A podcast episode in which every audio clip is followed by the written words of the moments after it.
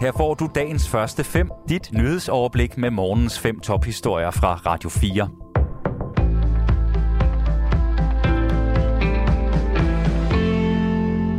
Det er tirsdag den 13. september. Mit navn er Thomas Sand. USA vurderer, at Rusland har afgivet stort set alle de områder, som landet havde erobret nær Kharkiv i Ukraine. Det siger en højtstående amerikansk embedsmand ifølge Reuters. Samlet set vurderer vi, at ukrainerne gør fremskridt, mens de kæmper for at befri og generobre territorium i syd og øst, siger embedsmanden, der udtaler sig anonymt. Ifølge vurderingen har mange af de russiske soldater, der har trukket sig tilbage, nu forladt Ukraine. Embedsmanden siger dog ikke noget om, hvor mange russiske soldater, der er tale om. I aftes sagde Ukraines præsident Volodymyr Zelensky ifølge nyhedsbruget AFP, at Ukraine i denne måned har generobret 6.000 kvadratkilometer territorie. Til sammenligning har Sjælland et areal på lidt over 7.000 kvadratkilometer. Børne- og Ungdomspædagogernes Landsforbund BUPL advarer mod massive besparelser på børneområdet. De danske kommuner forhandler i øjeblikket næste års budgetter på plads, og mange steder skal der spares. Hos BUPL frygter formand Elisa Rembler, at det kommer til at gå ud over børnene. Vi har ikke set sådan, et, øh, kan man sige, sådan en, en, øh, en masse besparelsesforslag faktisk i flere år. Så det her, det er, øh, det er massivt. Hun advarer om, at mange kommuner dermed vil få svært ved at nå de nye regler om minimumsnormeringer, som gælder i alle landets kommuner fra 2024. Oversigten viser i øjeblikket, at fem kommuner har indgået et forlig, som i næste års budget ifølge BUPL kommer til at betyde besparelser på børneområdet. I langt størstedelen af de kommuner, som varsler besparelser, er der fortsat kun tale om forslag eller sparekataloger. Men sikkert er det, at kommunernes landsforening KL har advaret om, at den nuværende ramme for økonomien tvinger kommunerne til at skære i velfærden. Hos BUPL frygter man, at de 1,3 milliarder kroner, som kommunerne næste år modtager i tilskud til børneområdet, ender med at lappe huller i kommunekasserne rundt omkring. Tilskuddet er jo kommet ud for netop at understøtte børnelivet, så øh, det er jo helt forfejlet, hvis øh, det i stedet for betyder, at man sparer på børneområdet.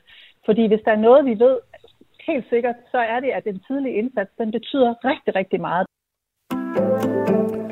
Tjekkiets regering presser fortsat på med en plan om at indføre et prisloft på el og gas for husholdninger og små virksomheder. Således er premierminister Petra Fjallas regering på et møde blevet enige om et lovudkast, som nu skal igennem begge kammer i parlamentet.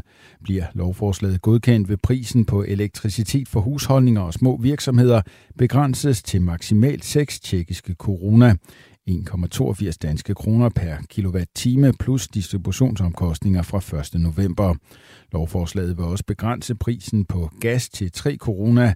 Staten vil formentlig påtage sig ansvaret for at betale forskellen mellem prisloftet og den egentlige pris. Ifølge landets finansminister vurderes tiltaget at koste regeringen op mod 130 milliarder corona næste år. Det svarer til godt 39 milliarder kroner. Prisloftet ventes også at gælde for skoler og hospitaler. Thank you. Omkring 20.000 står i kø for at se den afdøde dronning Elisabeths kiste i den skotske hovedstad Edinburgh, det skriver BBC, der har talt med flere af de fremmødte kort efter midnat. Køen strækker sig over halvanden kilometer og snor sig langs stierne i den store park The Meadows syd for St. Giles Cathedral, hvor dronningen ligger i en lukket kiste. Her ligger hun midlertidigt, så det skotske folk har mulighed for at tage afsked med landets regent gennem de sidste 70 år. De sørgende begyndte at ankomme til katedralen omkring klokken 17.30 i går. Frivillige fra Frelsens her har i nat uddelt varme drikker og boller til de mange, der står i kø. Der er desuden opstillet toiletvogne og vandstationer langs køen. I mange år har det været tradition, at cykelløbet PostNord Danmark Rundt sluttede på Frederiksberg. Arrangørerne havde dog forbigået kommunen i år, og heller ikke i de kommende år tyder det på, at rytterne skal tonse ned af Frederiksberg Allé i håbet om at komme først over målstregen. Et flertal på Rådhuset har i et budgetforlig besluttet at droppe samarbejdet med Danmarks Cykleunion DCU, som afvikler løbet, det skriver BT og TV2 Løje. Det sker som del i større besparelser i kommunen. Og Frederiksberg Kommune sparer omkring 300.000 kroner på driftsudgifter ved at sløjfe samarbejdet. Dagens første fem er tilbage igen i morgen tidlig. Hvis du har brug for en nyhedsopdatering inden da, kan du altid fange os i radioen, på nettet og i vores app. Vi høres ved til dagens første fem fra Radio 4.